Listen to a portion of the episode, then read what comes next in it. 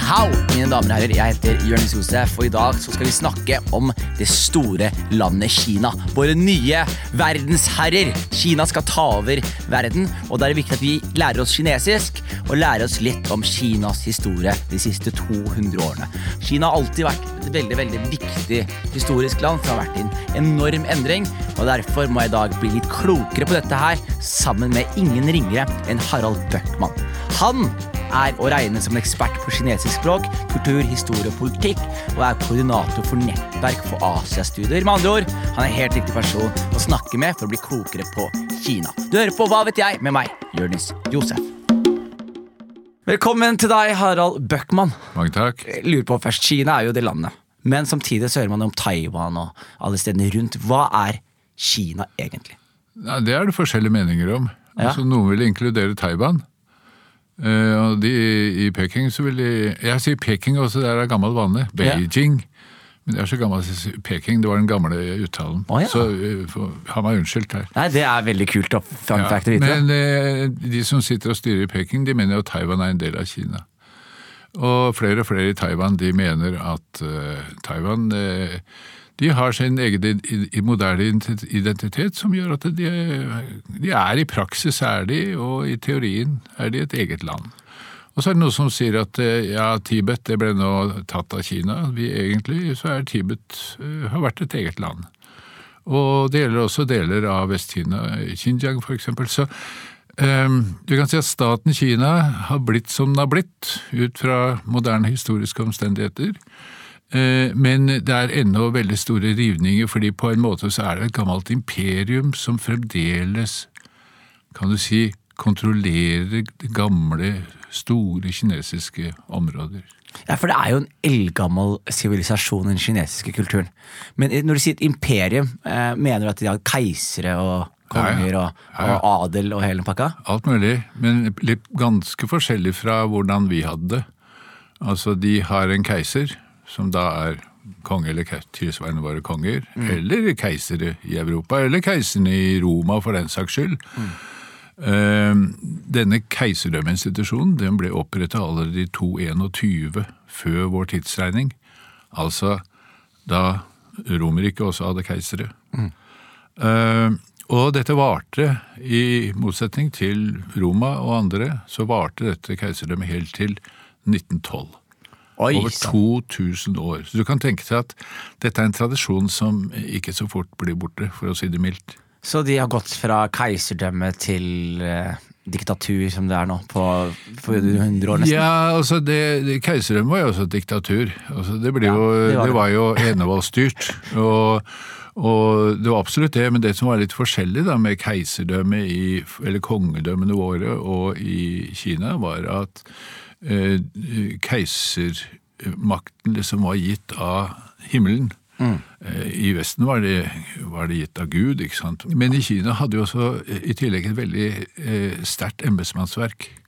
Slik at det ikke vokste fram noen eh, sterk føydalisme, sånn som du hadde i Europa. Nei. Så Kina fikk en sentralisert keiserdømme. Og det er det som har gjort at det har vært så sterkt ned gjennom tidene, og du kan godt si at i dag er det fremdeles kommunistene har arva både landmessig og kan du si idémessig denne ideen om det sentraliserte, sterke keiserdømmet. Fordi det er jo litt veldig veldig spennende det med Kina. For du sier 1912 så opp, eller opphørte da keiserdømmet. Ja.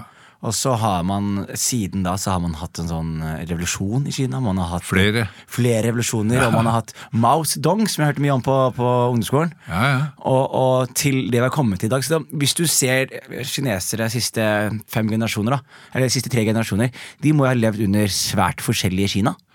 Ja, må ta en, legge på en par generasjoner til. Ja. Så de siste 100 år, de siste 150 år har vært veldig turbulente. Egentlig så bør man gå 400 år tilbake. det kan vi kanskje gjøre etterpå, men, men disse revolusjonene, altså fra da keiserdømmet endelig ble styrta i Det var en revolusjon som begynte høsten 1911, og eh, av mye opprør i en Mm. Og eh, våren eh, tidlig eh, i 1912 så abdiserte keiseren. Og da ble Kina formelt sett en republikk. Så problemet var at denne republikken var så svak. Det var så svak grunnlag.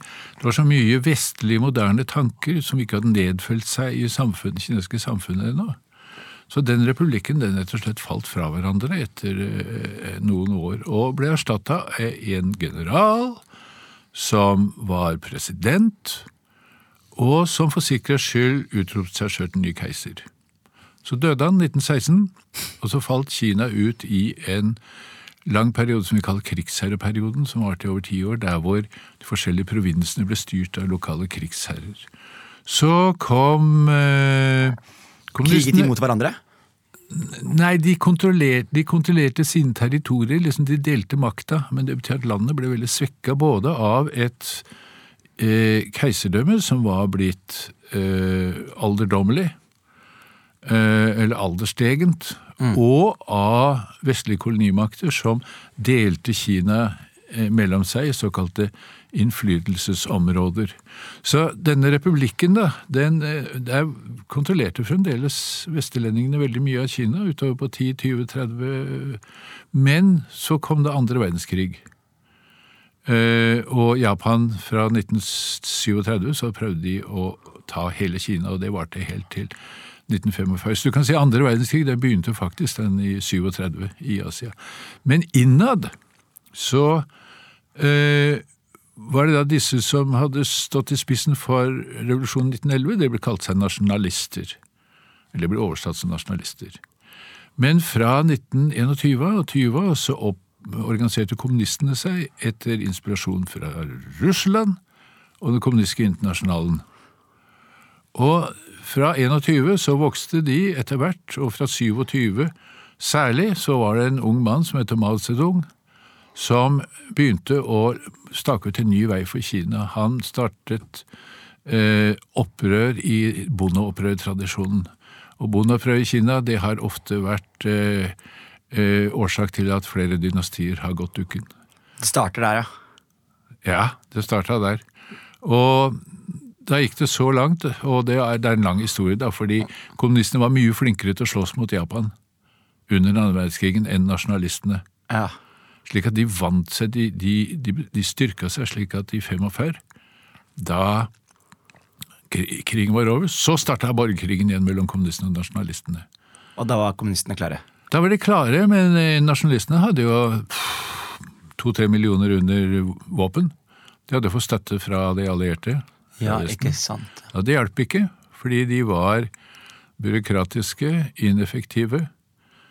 Og kommunistene hadde bygd seg opp en base blant folk med geriljakrig, som etter hvert, når de snudde det til mer konvensjonell krig, så klarte de da på tre år å feie nasjonalistene eh, av banen. Og så måtte nasjonalistene de søkte tilflukt i Taiwan, og det er grunnlaget for Ja! det er grunnlaget for den konflikten vi har i dag.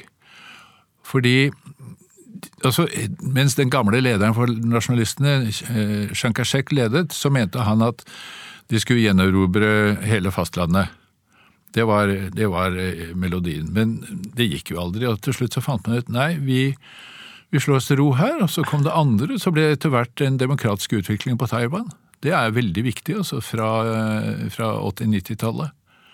Så Taiwan er, har gjennomført en utrolig imponerende demokratisk eh, utvikling. Eh, som eh, gjør, og det syns jeg høres fornuftig ut, at det har skapt en ny identitet som er taiwansk identitet, og at de vil gjerne bli uavhengige. Det vil ikke Beijing. Fascinerende. Altså, Kina er jo eh, høres ut som et land som har hatt så mye med liksom, utenlandske makter å gjøre. Måtte holde, holder de unna Japan, vi kommer fra den siden her, amerikanerne vil komme nedi her. Og du var inne på det i stad, op opiumskrigen. Krigen, ja. Hva var det den handlet om? Ja, Det er en, eh, også en trist historie, egentlig. Fordi det handlet om, og da må vi gå lenger tilbake, fordi utlendinger begynte jo å handle med Kina på øh, 1500-1600-tallet. Hvordan ble det en del av eh, europeisk interesse? Det var fordi eh, europeiske handelsmakter ville kjøpe og kjøpte i store mengder det som kineserne hadde å by på, og som utlendinger gjerne ville ha. Det var silke, eh, te og porselen. Det var de tre store eh, varene som eh, la grunnlaget for den store Kina-handelen.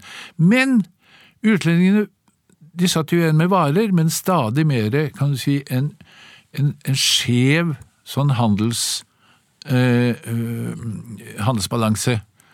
Det kjenner vi litt igjen i dag også, fordi de hadde ikke noe å selge til kineserne som kineserne syntes var spennende. De sa nei, vi har det meste vi trenger, vi. Og det hadde de faktisk. Det var et veldig, altså et rikt og sjølbærende imperium. Men da fant kolonimaktene, altså engelskmennene, da, de fant denne vidunderlige varen som heter opium, som de eh, dyrka etter hvert i stor stil i sin koloni i India. Og så transporterte de det til Kina, og så solgte de det der.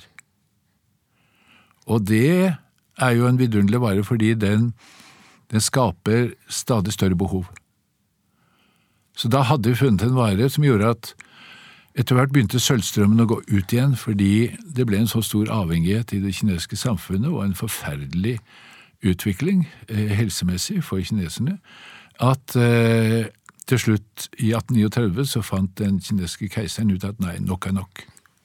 Og da brøt den første opiumskrigen løs, og den var, eh, ble utløst av at en embetsmann i Kanton, som var senter for handelen, han konfiskerte opium, eh, destruerte det, ødela det. Men det skulle han ikke gjort, for da slo engelskmennene til. Med altså absolutt altså Engelskmann, England var en sjømakt. Kina var en landmakt. Så um, det var opphavet til, kan du si. Så England angrep Kina fordi Kina ikke ville kjøpe opium fra dem Det kan du si. i større omfang. Det trua, det trua de. Kineserne var så frekke at de, de, de, de prøvde å forsvare sitt eget land. Så det var det som skjedde på kysten i Kina på 1800-tallet? Der var det Du kan si eh, Kineserne prøvde å eh, stoppe det. Det klarte de ikke. Og så eh, måtte, etter 1842, da, den første ulikeverden, ydmykende avtalen som Kina måtte inngå, der åpna, måtte landet åpne mange kystbyer, der man kunne både drive misjon, man kunne drive handel og innføre det man, eh, det man gjerne ville. Så dette kaller kineserne i dag eh, 100 år med nasjonal skam, altså fra 1839 til 1949, da, da Mao vant revolusjonen. Så det var en stor dag for kineserne? I Vesten blir det jo mest sett på som en sosialistisk revolusjon, Ja. men, eh, eh, og det ble det jo etter hvert. Men eh, for kineserne så blir jo det sett på som en, en, en, en dag med nasjonal frigjøring. Og det må også ses på bakgrunn at de hadde klart å slå Japan Ja. eh, fire år før. Så, så det, er- det er derfor kan du si, legitimiteten til kommunistpartiet i dag, som fremdeles styrer Kina, den er forankra i seieren i 1949, som en nasjonal frigjøring. Så det, så det er et land som Fordi Når man hører Kina, så har det alltid sett for meg at de har hatt en kinesisk identitet, men det virker som de har alt, den har jo ikke vært der de siste 200 årene. Det har vært på søken etter og på, på å redefinere hva Kina er i de siste 300-400 årene, eller? Ja, det er veldig eh, godt observert. Ja. Fordi eh, det har jo å gjøre med at eh, det tradisjonelle keiserdømmet så på seg sjøl som verdens sentrum. Altså, Navnet Kina, Zhongguo, det betyr midtens rike, det sentrale riket, altså det som er sentralt i verden. Og dette, denne tanken det, det finner du i mange gamle kulturer. Eh, hos babylonere, og, syrere så videre. Men denne tanken overlevde helt til vårt eget århundre, eller forrige århundre, altså til keiserdømmet falt. Og da den tanken falt, så lurte man på ja, hva så? Altså, hvor, hvor, hvor er, Hvordan skal vi plassere landet vårt? Hva er landet vårt egentlig? Og denne tanken har eh, vært veldig eh, framhevende og grunnlag for både mye kreativitet, men også mye tvil og skam eh, over at Kina har mistet den statusen som det en gang hadde.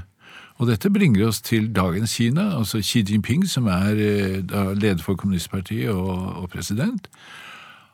Han er jo i stor grad motivert nettopp av Kinas tidligere storhet. Så han kan mobilisere folk på det. Og det man sier ofte at ok, Europa hadde sine 400 år fra renessansen og fremover, og så kom USA, eh, og da gikk det ned om i Kina, og det er riktig. Men nå er det Kinas tur igjen, fordi før det så var Kina overlegen eh, den vestlige verden. Og så må man være med at fram til ca. 1750 så var Kina mye mer utviklet enn den vestlige verden. Og så begynte det å uh, snu om. Så i Kina er det, og i og for seg i, Øst, i Øst-Asia, så er det en forestilling der man at nå er det Asias tur igjen. Og de, de har klart det bra, da? Ja, De har klart det veldig bra. Eh, nå er de på en måte eh, tilbake der før var det luksusprodukter de eksporterte, og gjorde seg rike på det. Og nå er det billige produkter, men, men etter hvert mye bedre kvalitet. Mm. Altså, det går jo oppover i det som heter sånn verdikjeden. Mm. Og det som er spesielt med Kina, er at de, de trenger ikke å hente billig arbeidskraft utenfra mm. for å få det, men de har det blant sine egne. Hvor stor forskjell er det på by og bygd i, i, i Kina? Ja, Det er fremdeles ja, det er kanskje større enn noen gang. Altså i, eh, Under Mao-tida så var det en forsøk på å desentralisere mye makt og rikdom. Mm.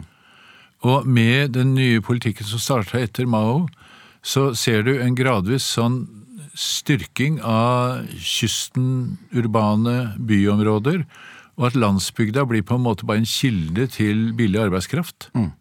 Og slik er det delvis ennå. Det betyr at alle er jo blitt løfta opp. Men dette har samtidig skapt et eh, eh, grunnlag for en ganske sterk over, ny overklasse, som eh, er eh, eh, knyttet til eh, et regionalt og lokalt byråkrati. De eier, eller de kan forvalte og valte og skalte, for å si det sånn, med jorda. De kan be folk å flytte. De kan eh, ordne seg med makta, og makta sjøl kan melke av den rikdommen som eh, produseres. Men det er veldig mange som, om de ikke faller utenfor, så blir de iallfall marginaliserte. Så eh, landsbygda i Kina er på en måte blitt utarma. Fordi mye arbeidskraft, og særlig mannlig arbeidskraft, flytter til byene. Det er der muligheten er. sant? Byene er den store trekkplasteret. Mm. Store magneten. Mm. Mens eh, de som skal dyrke jorda, det er færre hender. Slik at kvinnene faktisk er blitt mye mer viktige og har fått en større byrde når det gjelder å holde eh, landbruket i hevd i Kina. Nettopp. Ok, men Da skal jeg prøve å oppsummere denne samtalen her så godt det, det lar seg eh, gjøre.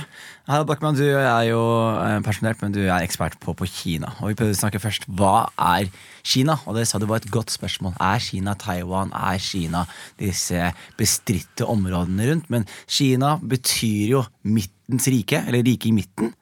Eh, og, og, som sier litt om hvordan kineserne alltid har sett på seg selv. De har sett på seg selv som verdens sentrum. Men det skjedde en litt større endring der, hvor liksom resten av Vesten og verden har vært i endringer fra 1700-1800-tallet. Så gikk jo keiseren til Kina av i relativt nyere tid. I 1912 var det da han gikk av.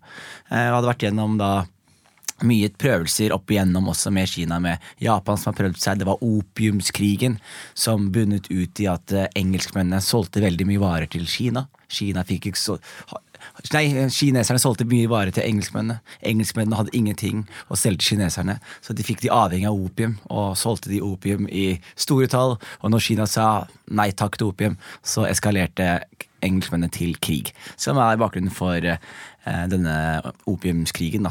Eh, men så har Kina siste liksom 100 årene vært et land som har vært på søken etter sin egen identitet. Og de ser veldig tilbake på sin egen storhetstid, når de var disse store dynastiene og de var verdens episentrum.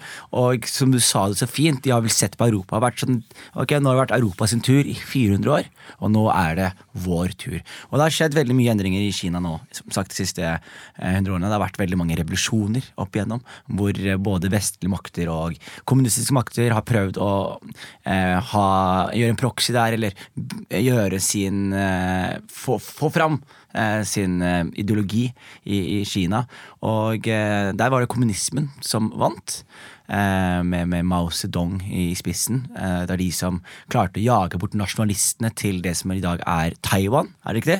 Og de ventet til Taiwan og sa en dag så skal vi komme tilbake og ta tilbake Kina, men det klarte ikke eh, de tapre folkene i Taiwan, som nå har andre problemer i, i Taiwan. Men i dag så er Kina verdens største stormakt, vil jeg påstå. Eh, Det er kanskje debatt om USA fortsatt er det, men de, de er i hvert fall verdens største økonomi. Og, og de har klart det veldig veldig bra. Og eh, det ser ut til at det faktisk nå er Kina sin tur. Var det en god oppsummering? Ja, utrolig flott. Ah, Deilig. Tusen takk. Da sier jeg takk til deg, Harald. Ja, hjertelig takk.